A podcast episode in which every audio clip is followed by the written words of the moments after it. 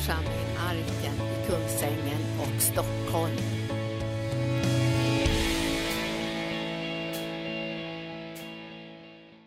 Halleluja! Ja, nu hörni, kära vänner, ska vi gå till Galaterbrevet. Jag, jag, har, jag har varit sugen på att tala lite grann om Galaterbrevet eftersom Galaterbrevet är ett sådant suveränt brev. Det är ganska kort och då talar om sån här kärnan liksom, i det som är det kristna livet. Hur man får ett annorlunda liv. Alltså vad det är för slags liv som man får. För att vi, eh, man kan säga att eh, ibland så tror man liksom att, att man får möjligheten att försöka kämpa sig fram till ett liv. Men så ligger det ju inte alls till i Guds rike, utan det är så att han talar om för en vad är det som han ger dig och mig, vi som sätter tro till Jesus. Vi får en gåva och vi får en gåva av evigt liv och så får vi en gåva som så att säga av ett godkänt liv. Det vill säga det som gör att liksom alla dina eh, överansträngningar kan liksom bara läggas av. Och så eh, kan du med frimodighet gå in i det som är Guds vilja utan oro och utan överansträngning. Det, det handlar om en slags liv som, som är så bra som man nästan liksom eh, tvekar att tro att det kan vara sant. Men, men det är det. Och därför så måste man läsa på. Vi vi talar lite grann om det. Så jag, jag pratat med, med, med, med, olika människor under den här helgen så jag pratar om det här med att det liksom är viktigt för oss att veta varifrån vi hämtar sanningen. Alltså sanningen är inte liksom bara det som jag, hur, hur känns det, liksom? hur är det, liksom? hur känns det, liksom? eller hur mår du? Liksom? Sånt där. Eh, ja, det, det, det är en, visserligen en slags sanning, men det är inte mycket att ha därför att den, den, den är inte säker att den är, är, rätt. Alltså, den kan bara, bara vara någon slags liksom, magknip någonstans eller så. Och det är inte alls så att det hela livet är liksom beskrivet med den där känslan som jag då har. Utan här är det så att sanningen, den hittar man i bibelordet. Bibeln beskriver sanningen. Och när jag får tag i den sanningen som Gud vill, alltså den grundläggande sanningen eh, för mitt liv och ditt liv. När vi får tag i de där, då uppstår det en frihet. Och den där friheten är, skapar förutsättning för att vi ska kunna leva ett, ett, ett, fantastiskt annorlunda och överflödande liv. Liksom i välsignelse till andra människor och, och till ära för Gud. Det är liksom en frihet som är förutsättning för det. Och därför så vill jag liksom att du läser med mig liksom i, i Galaterbrevet. För där står talat om den här friheten. Det är, så, det är så strålande, underbart och fantastiskt att ha en sån här Gud som vi har. Jesu Kristi Gud och Fader. Han, han, han talar till oss och, och han ger oss frihet så att vi kan tjäna utan, utan att bli bara fyllda med kramp och konstigheter. Eh, alltså, eh, jag, tänker på, jag tänkte på Paulus, liksom, hur det var med honom. Han var verkligen liksom inne i en överansträngning utan like. Han var så pressad, han var så jagad, han var så trängd så han liksom var han nästan alldeles förstörd. Alltså, han, han gick omkring och bara andades mordlust mot liksom de kristna. Han tänkte bara, vad ska, vad jag få tag i dem? Ska jag kasta dem i fängelse? Ska jag stena dem? Ska jag förstöra dem? Ska jag krossa dem? Alltså, han kunde liksom inte, han kunde inte liksom behärska sig, han blev som ett vilddjur. Och då skulle han vara en extra from man. Han tillhörde de fromma riktningarna som liksom läste skrifterna och liksom gick omkring och, och höll alla möjliga olika bud och liksom var försiktig och aktade sig för det och aktade sig för det här och glömde inte det där och så höll på hela tiden. Alltså han var liksom en riktig så här eh, lagisk typ. Och så blev han så fasansfullt vred över att andra kommer och, och talar om en Gud som är god på ett sätt som, som är, han inte har godkänt. Alltså han vill inte att man talar om Gud på det sättet. Gud han, han ska man lyda och han bestämmer och han, och han har satt upp reglerna och det finns ordningar och det ska de hålla det till. Och så. Så Gud som, så, som han visar sig i Jesus Kristus. Alltså det, det, alltså det, det var en, som en upprörande och en styggelse för, för Paulus. Han var ju så arg så han liksom höll på att spricka. Och även när de hade då fått honom, äntligen fått honom dödad och så, så, så, så dyker det upp nya sådana här kandidater och liksom hävdar att Gud är god och, och att Jesus Kristus han är Guds son och, och han har gett sitt liv till försoning för människorna. Och de bara, och han är han är där och han ivrar och han brinner för att bara stena dem, stena dem, stena dem så vi får tyst på de här rösterna. Alltså, man kan säga det, det, var, det var ingen glad man som, alltså, som gick omkring där. Det var liksom ingen, ingen, som, ingen kunde liksom riktigt kunna se, så här, se på Paulus. Åh, nu måste vi se på Paulus. Honom vill man likna. Man vill vara som han, man vill hata och hata och kasta stenar och man vill jaga folk och så där, som, som inte har gjort någonting. Och, och, så den, eh, den vill vi vara lika. Nej, ingen som vill vara lik honom. Man tyckte att han var liksom pest och pina. Han kunde inte liksom ens hålla sig kvar i sin egen stad. Han rusade från stad till stad för att jaga fram alla kristna liksom, och försöka göra processen kort med dem. Det, det, det talar han om om sig själv i, i Galaterbrevet. Här. Alltså man tänker, vilket, vilket elände. Alltså om, man, om man hade sånt där våldsamt förflutet så skulle man ju helst inte vilja prata så mycket om det. Han skriver ett brev som läses nu, då, då, snart i 2000 år har de hållit på att läsa hans brev, om hur han var. Alltså, eh, det här säger han om, om evangeliet. Alltså, det, han, han, han blev ju drabbad av evangelium. Alltså mitt i vredesmodet där, mitt i hatprocessionerna liksom, liksom, och hela jakten efter de kristna så blev han drabbad av evangelium. Han fick möta Jesus.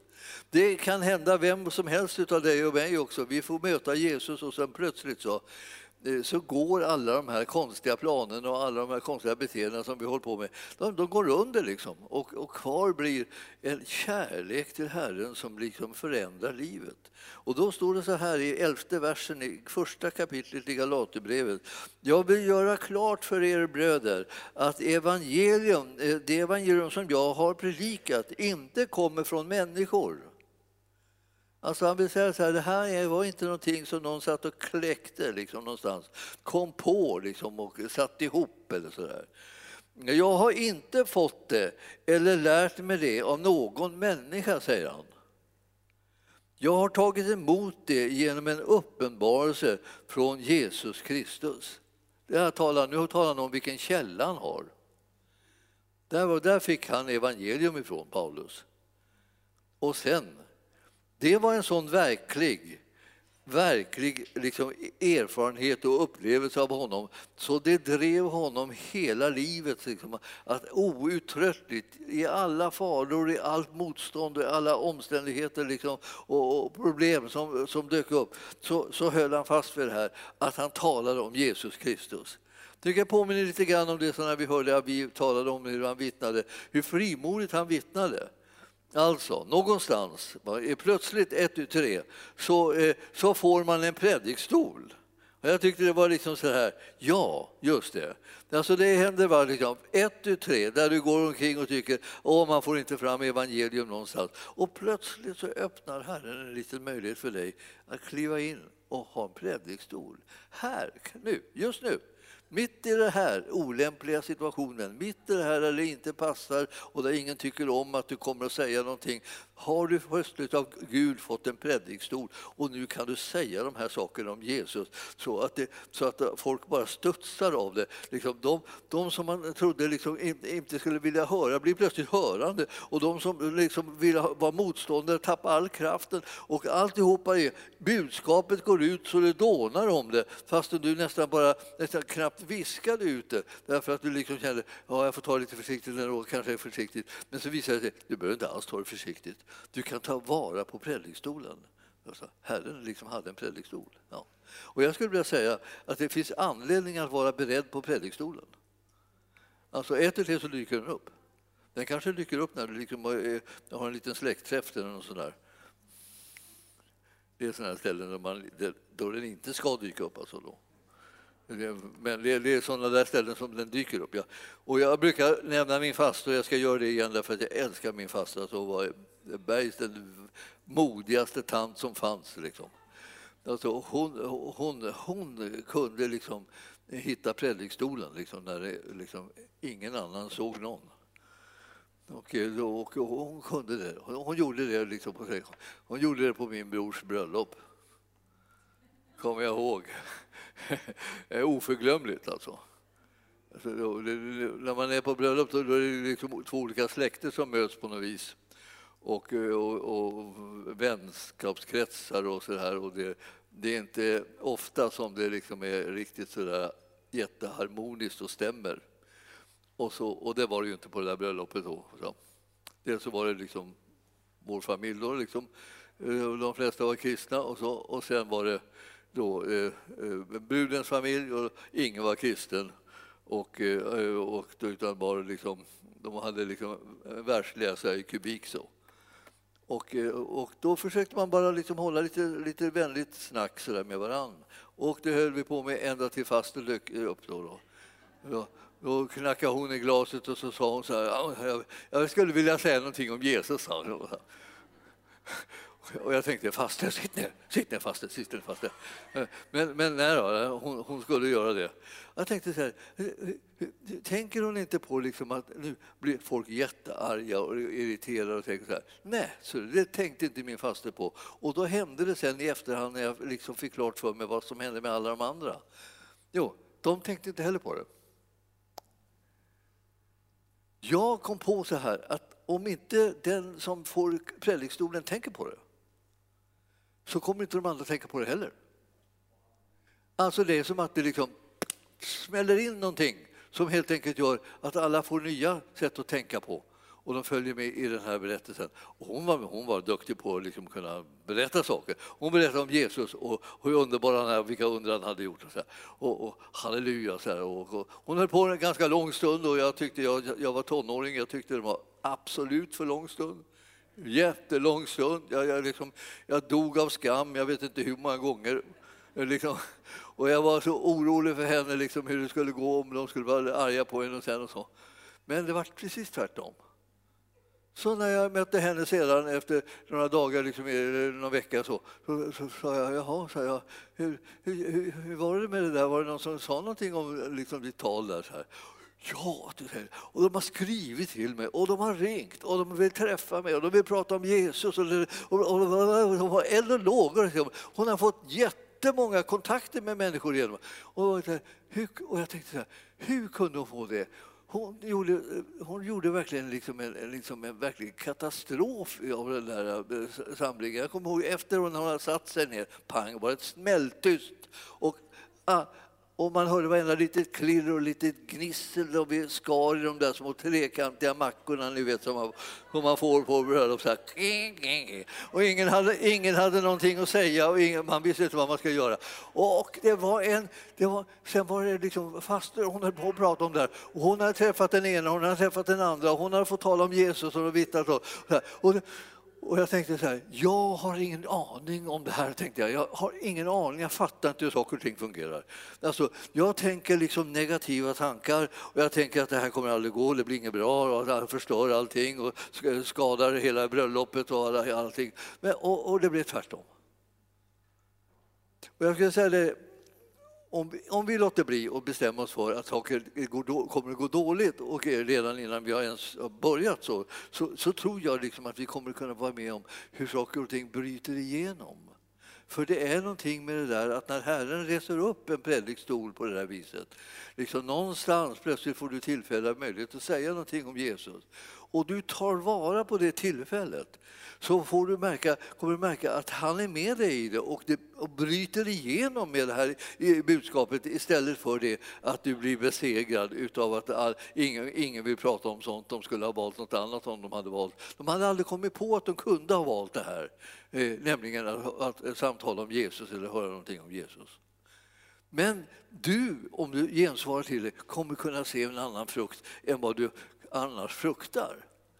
Och jag förstå att han säger, mitt budskap, eh, det har inte jag fått från någon människa. Det här är inget lite, lite vanligt litet budskap, något lite prat, något litet ämne som jag är intresserad av. Jag är intresserad av filosofi eller, eller bilar eller, eller vad katten som helst. Liksom som jag börjar prata om och då kan de andra liksom krokna och tycka, bara, ska, måste du prata om det där? Vi ska prata om fotboll förstås. Och så, och så har man alla möjliga olika så önskemål. Men det här kommer från himlen. Alltså. Och det här är inte något som människor har fött fram. Och därför så kommer budskapet om Jesus tränga rakt igenom när du, när du får en sån här predikstol. Då ska du inte vara rädd för den, då ska du vara frimodig.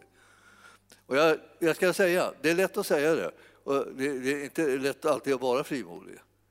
Men det är bäst att vara frimodig för att, att det här är ingenting att skämmas för. Vi skäms inte för evangelium, det brukar vi säga ibland och det menar vi också. Det hoppas vi också. Det, det, det, det tänker vi att vi inte ska vara. Vi ska inte skämmas för evangelium.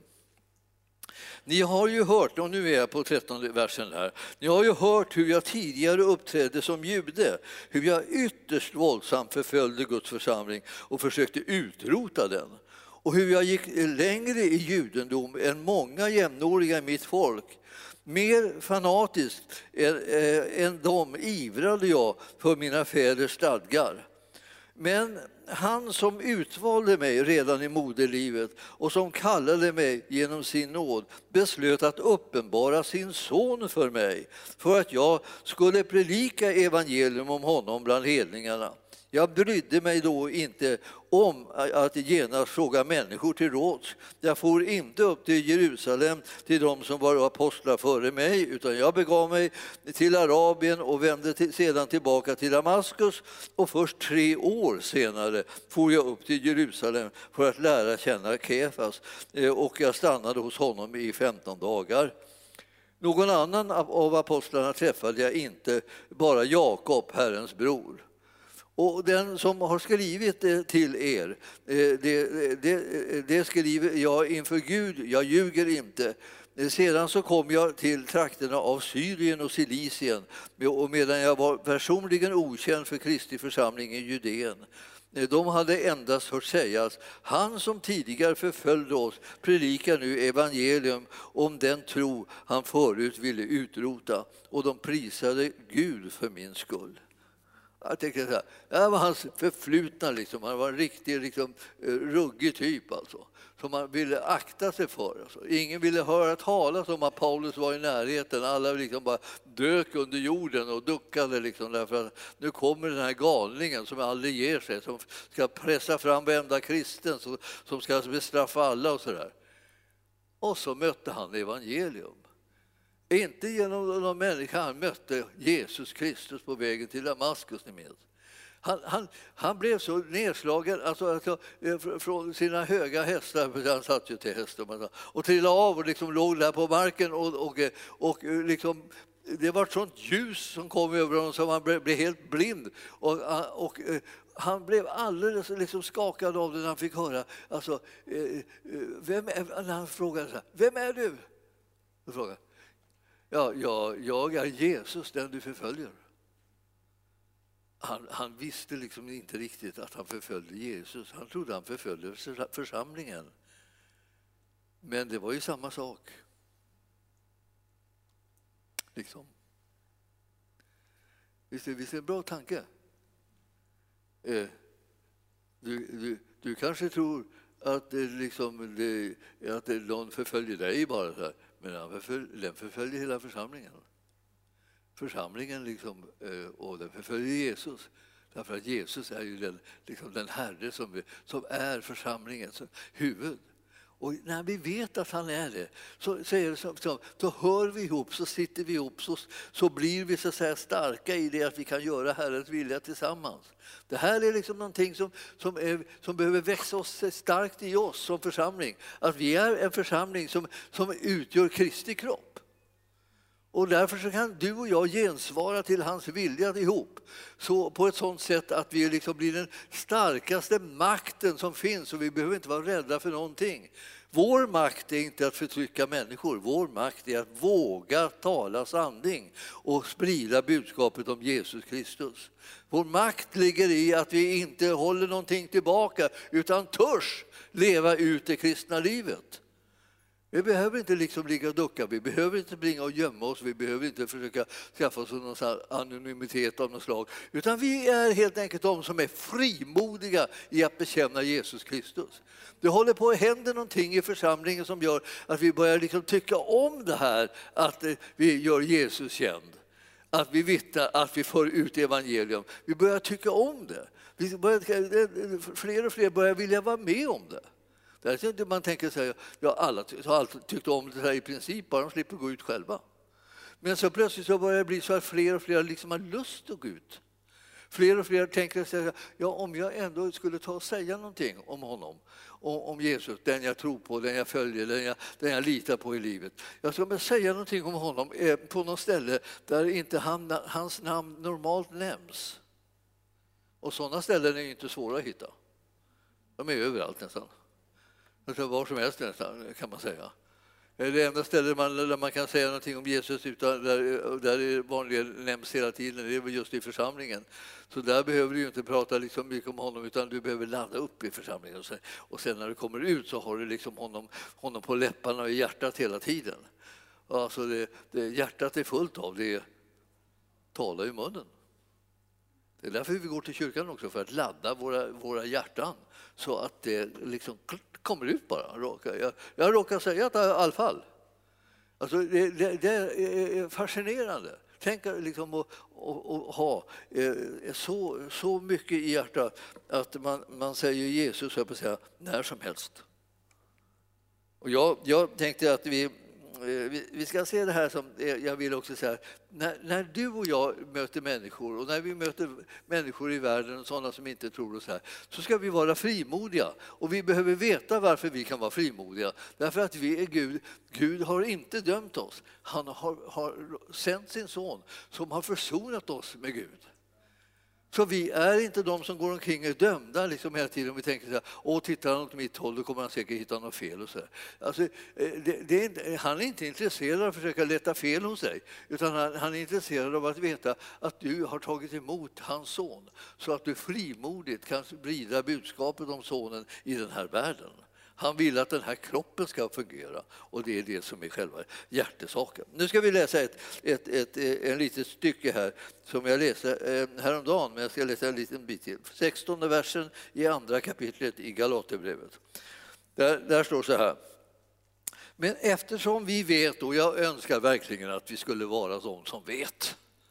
Tänk vad vilken skillnad det gör om man vet någonting Alltså, om man vet någonting som är absolut sant, som det, som det som kommer att stå här, det gör fantastisk skillnad för alla vittnesbörd som vi ska ha, få tillfälle att göra. När Herren håller på att resa upp till sådana här predikstolar överallt där vi går fram, milde tid vad det betyder mycket att vi vet just det här.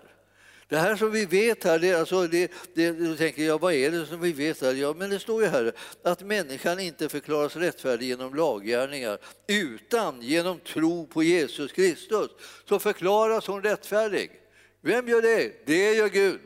Han förklarar människan rättfärdig. Vad är det? Det är godkänd. Rättfärdig är godkänd. Han förklarar människan godkänd. Jag, jag har gått igenom skolan eh, väldigt länge. Jag hade oerhört svårt att få godkänd. Alltså jag, jag, jag vet en så här, godkänd medeltid, typ, vad det var svårt alltså. Jag hade, jag hade så svårt att få godkänd så jag trodde inte det var sant. Jag tänkte, jag tänkte, ja, och, och, eh, och, mina lärare var liksom började eh, bli övertygade om att jag nog var lite korkad. Men, eh, men, min, pappa, min pappa sa till mig så här, äh, sa han, det, det, du, det, du, du, är inte korkad, det är bara det att du, du, du, är, du är en bergling, det, tar lite, det går lite långsamt just i början, sa han. Sen lossnar det. Ja, jag tänkte jag lossnar, ja visst lossnar det, säkert lossnar. Ja, och sen så i alla fall så eh, höll jag på där och kämpade, försöka få godkänd, godkänd, godkänd. Och, och godkänd, det var nästan aldrig då, så jag hittade jag, jag hade så mycket underkänt så det var det som stod som spön i backen. Jag, jag var äldst i min klass med flera år. Alltså, jag, till slut fick jag känna, jag gick, jag gick i skolan med barn. Jag var myndig också. Vet du. Och de, de var omyndiga hela gänget. Där. Ja. Sen, sen, sen blev det där undret som skedde. Alltså att Gud bara väckte mig. Och jag fick frukten av allt mitt studerande. Så jag kunde det som jag hade lärt mig en gång, fast inte kunde få ur mig. Det här var, det här var mitt livs stora vändpunkt, ska jag tala om för er. Ja, Gud gjorde ett under. Med. Sen, sen började, fick inte jag godkänt, jag fick helt rätt. Jag fick alla rätt. Jag skrev skrivningar, vet du, alla rätt. Det var ju som att komma in i en helt annan värld. Alltså. Och jag trodde att nu kommer alla bli glada. Oh, nu kommer de bli så glada. Underbart, han har alla rätt. Äntligen efter alla dessa år av liksom underkänt och underkänt. Nu har han alla rätt. Hurra! Men det blev inte alls. Alla blev jättemisstänksamma mot mig och tänkte så här, han fuskar. Han fuskar, han måste fuska, det måste vara fusk alltihopa. Ingenting fick man vara glad över, alltså. utan här var det nu fusk. Och ni förstår att det här, så, så att det här med godkänd, alltså, det, det, har en väldigt, väldigt positiv klang i mitt liv. Alltså. Medeltid när man blev godkänd, då förstod man liksom att då äntligen var man fri. Då kom man ur skolan någon gång också. Och jag kom ur skolan, då var jag, då var ju liksom en farbror. Då, då kom jag ur skolan, men då, då, då, då hade jag alla rätt. Och då var, då, då, då var det skillnad. Alltså. Och det var så, de, de var så, aj, så misstänksamma. Till och med en del lärare sa till mig Ja, jag, kommer, jag vet att du har skrivit allt rätt på alla skrivningar och, så här, och att du svarar rätt på frågor och alltihopa. Jag vet det där, men jag kan inte ge dig liksom, liksom fullt, eh, fullt högsta betyg bara för du har varit så dålig förut. Så att det går inte, så jag ger dig lite lägre betyg, så nu vet du varför. Vilka lägre betyg då, liksom bara för liksom som en, liksom en, lite, en liten extra eh, grej då. För, för att eh, han, han, tyckte att jag hade varit så dålig så länge så då borde jag inte få bäst. Ja. Livet är inte alltid är liksom som, som, man förstår det, men, eh, men jag, alltså, jag, jag började ett helt nytt liv. Godkänd är, betyder liksom nu är det fritt fram, nu, är det, nu, nu kan man liksom göra vad helst, vad, vad som helst, alltså, allt är möjligt.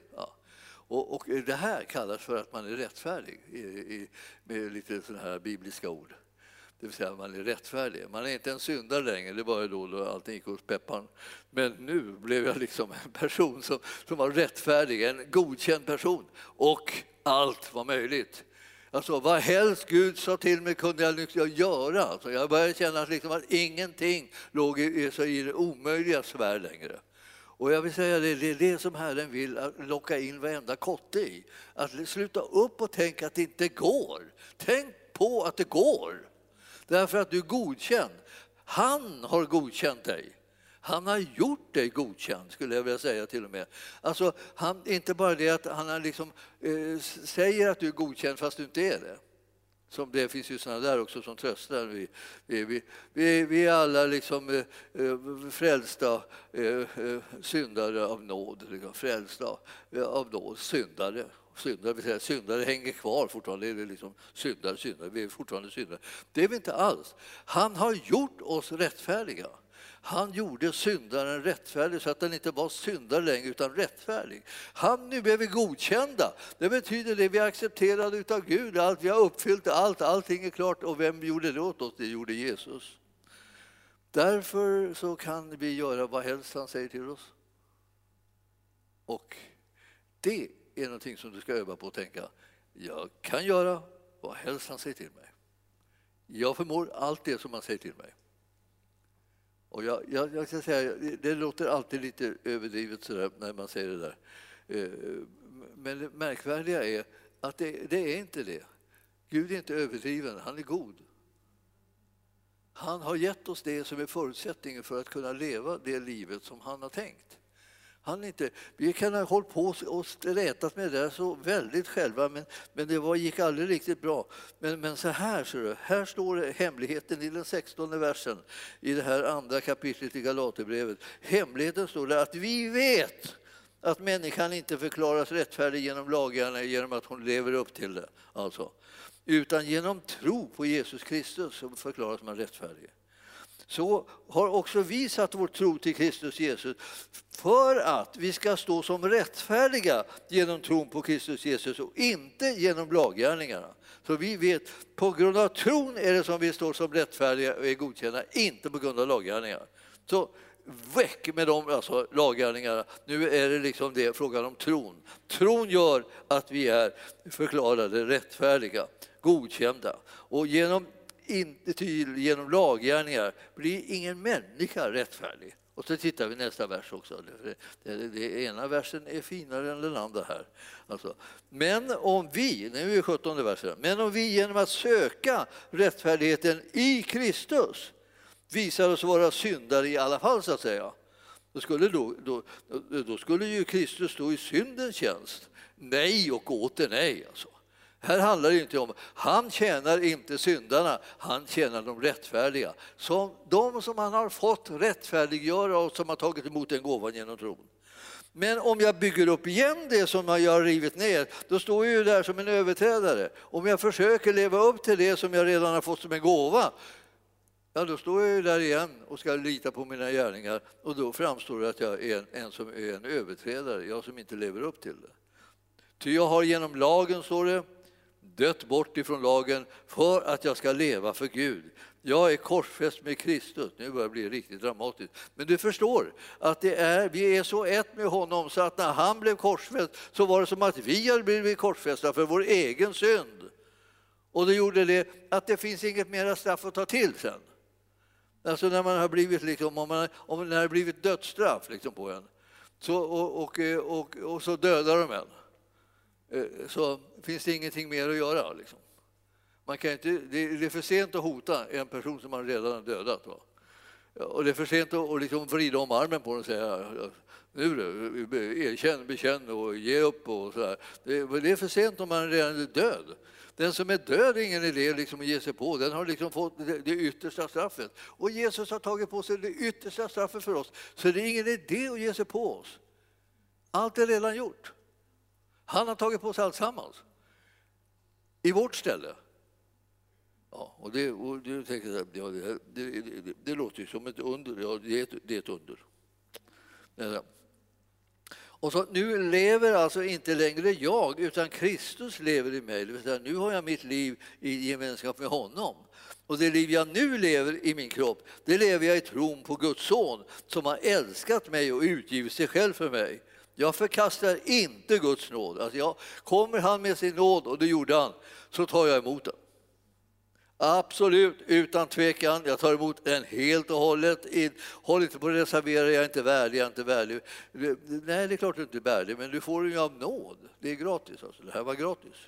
Gratis är ju inte liksom någonting som man går fram och så, om, man, om det blir gratiserbjudande, jag brukar tänka just på det där, här kommer gratiserbjudande i någon affär, så. här får du liksom en sån här, om du liksom kommer liksom och smakar lite grann så får du liksom lite, mer, lite smakprov hem, så här, det är gratis. Så Och sen när du kommer dit och, och, och, har smakat på det och, liksom, och, och det skulle vara gratis så börjar de säga, ja och vem, och vem är du förresten?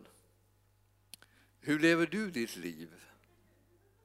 Har du skött dig på alla plan? Har du levt upp till alla, alla liksom moraliska normer? och så? Har, har du, kan man, om, man, om man undersöker din ekonomi kan man då vara säker på att den är helt, helt perfekt och, och att det inte är något slarv där?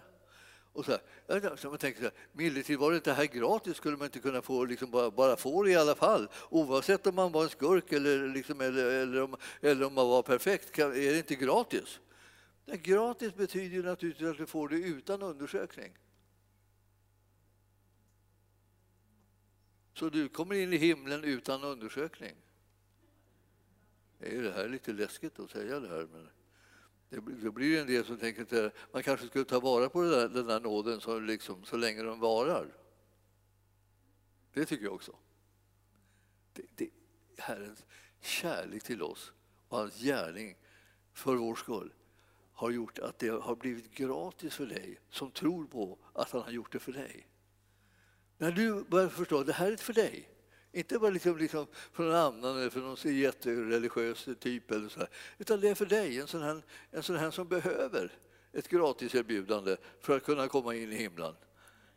Det är en sån. Och, och, och, och, finns det några andra? Nej, det finns inga andra. Allihopa behöver såna erbjudanden.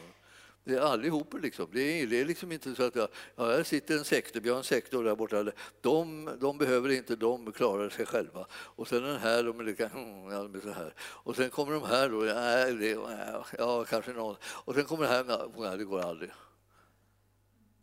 Och så tänker jag, vilka är det som behöver nåden? Ja, det är väl den här gruppen då. då.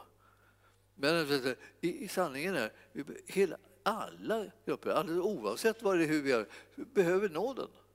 Och Herren ger nåden till alla.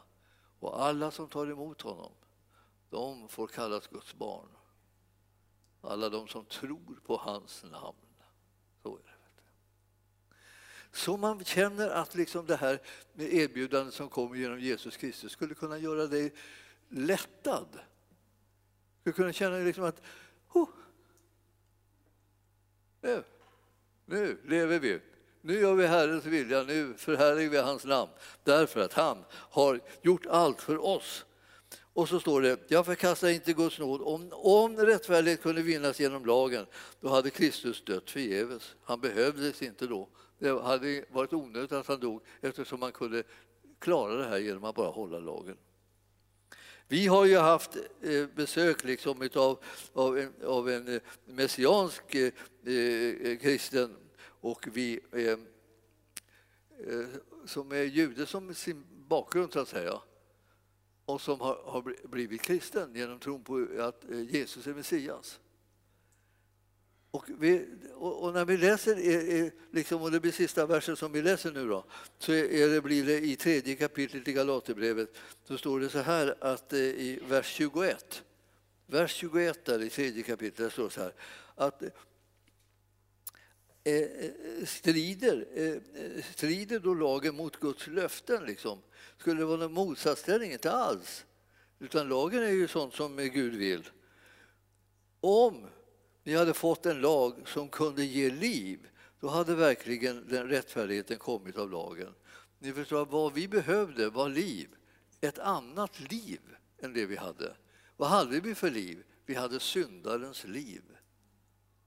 Det livet vi kunde inte vi leva och vara tillsammans med Herren.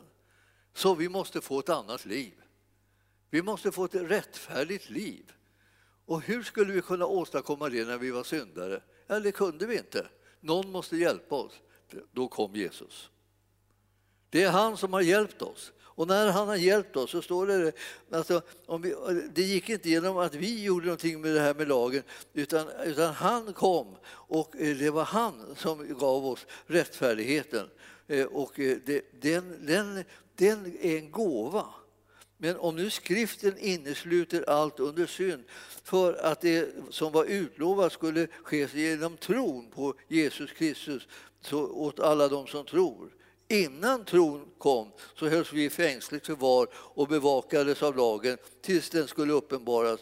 Och så blev lagen vår övervakare fram till Kristus för att vi skulle förklaras rättfärdiga av tro.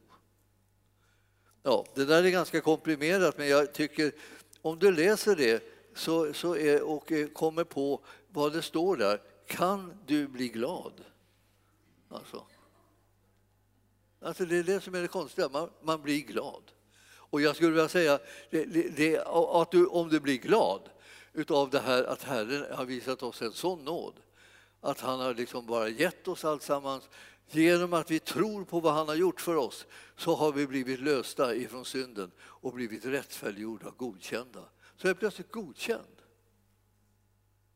Alltså, och jag, jag vet att godkänd betyder fri. Alltså, när man blir godkänd och plötsligt så är man fri. Och, liksom, eh, och nästan så här, och då börjar livet. Det vill säga det livet som innebär att man följer Jesus och gör hans vilja. Därför att man älskar honom helt enkelt. Han har varit så god, han har räddat oss, han har hjälpt oss, han har löst oss och han har förvandlat hela situationen. Och nu så kan du och jag vara fria att följa honom och göra hans vilja. Inte, inte, inte av någon som helst press utan bara drivna av kärlek till honom som är så god.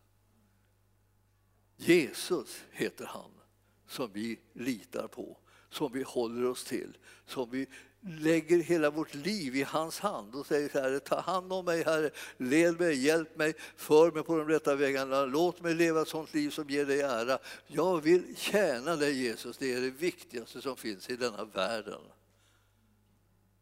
Och eh, jag vill säga till dig, det här är liksom, jag nu håller jag bara på att försöka tala ut det som är ditt hjärtas längtan att tjäna Jesus reservationslöst utan någon fruktan, utan någon tvekan, utan att liksom du inflikar på något sätt ja, om det går och om, om jag klarar av det och bla bla bla. Så här. Ja, det, det, det, är inte det, utan det är det. Det går och du klarar av allting tillsammans med honom. Tillsammans med honom är ingenting omöjligt. Och det här är inte något tröstens ord, det här är ett sanningens ord. För Gud säger att för honom är ingenting omöjligt och för den som tror på honom är ingenting omöjligt. Det är vad skriften säger. Och det, och det, det så, man kan säga att Gud överdriver inte och Jesus inte heller. Utan det är precis så där. Och då man tänker, ja, om jag börjar tro på det, på det där, då skulle jag ju kunna göra, ja visst. Du skulle plötsligt vara, vara lite gränslös alltså, i dina möjligheter att tjäna Herren och göra hans vilja. Och du skulle kunna bli liksom, jätteglad på vägen. Man, man, har hört, man har hört talas om att det finns glada kristna. Sådär, så. Om de bara gräver sig upp i gropen så kommer de att kunna synas att det kommer ett litet glad ansikte dyker upp där och, liksom, och känner så här, halleluja, jag tror att jag ska följa Jesus ännu mer radikalt än vad jag gjort hittills. När var, jag var lite för, blev lite för svagt, jag blev lite distraherad. Men nu, nu, nu ändrar det sig, för nu sätter jag full fart på det här. Det här. Nu ska vi komma in i det som är Herrens vilja och plan. Nu ska vi komma in i den fulla glädjen som man vill ge till sitt folk. Alltså. Ja, jag tänker så. Vi är sådana Galaterbrevsläsare. Man kan liksom, man liksom bara, det bara sprudlar, liksom, man känner det pirrar i magen. Liksom. Man tänker, så, vad, vad är det som håller på att hända? Ja, det är det att Herrens vilja börjar bli uppenbar för oss. Vi märker vad det är som han menar. Han menar att han har godkänt oss allihopa. Han menar att han, han, han har en väg som han har stakat ut för oss som vi kan gå på och den vägen går vi utan att bli överansträngda liksom, och, och utschasade så vi inte orkar någonting, vi orkar inte tänka på att liksom, det skulle bli liksom en dag imorgon tillsammans med Herren för då kommer han med ett nytt projekt. Men utan han kommer att komma med massor med projekt, liksom, men fast du kommer att se fram emot dem. Därför du ska du göra det här i den heliga Andes kraft. Så, vi välkomnar dig, heliga Ande med din härlighet och din kraft.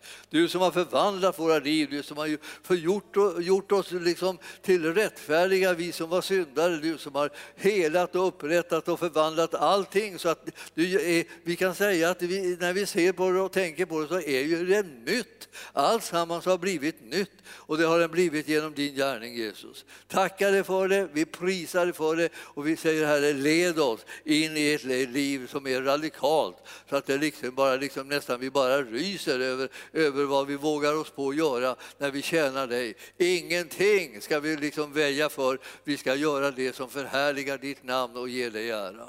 Vi tackar dig Jesus för att du är så god.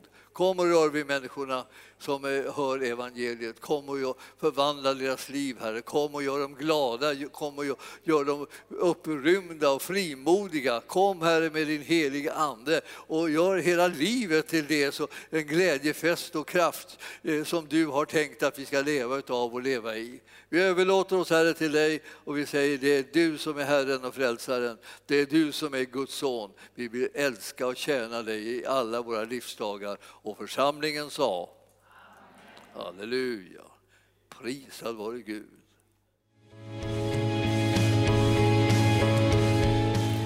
Tack för att du har lyssnat. Vill du få del av mer information om församlingen Arken, vår helande tjänst, bibelskola och övriga arbete, gå in på www.arken.org.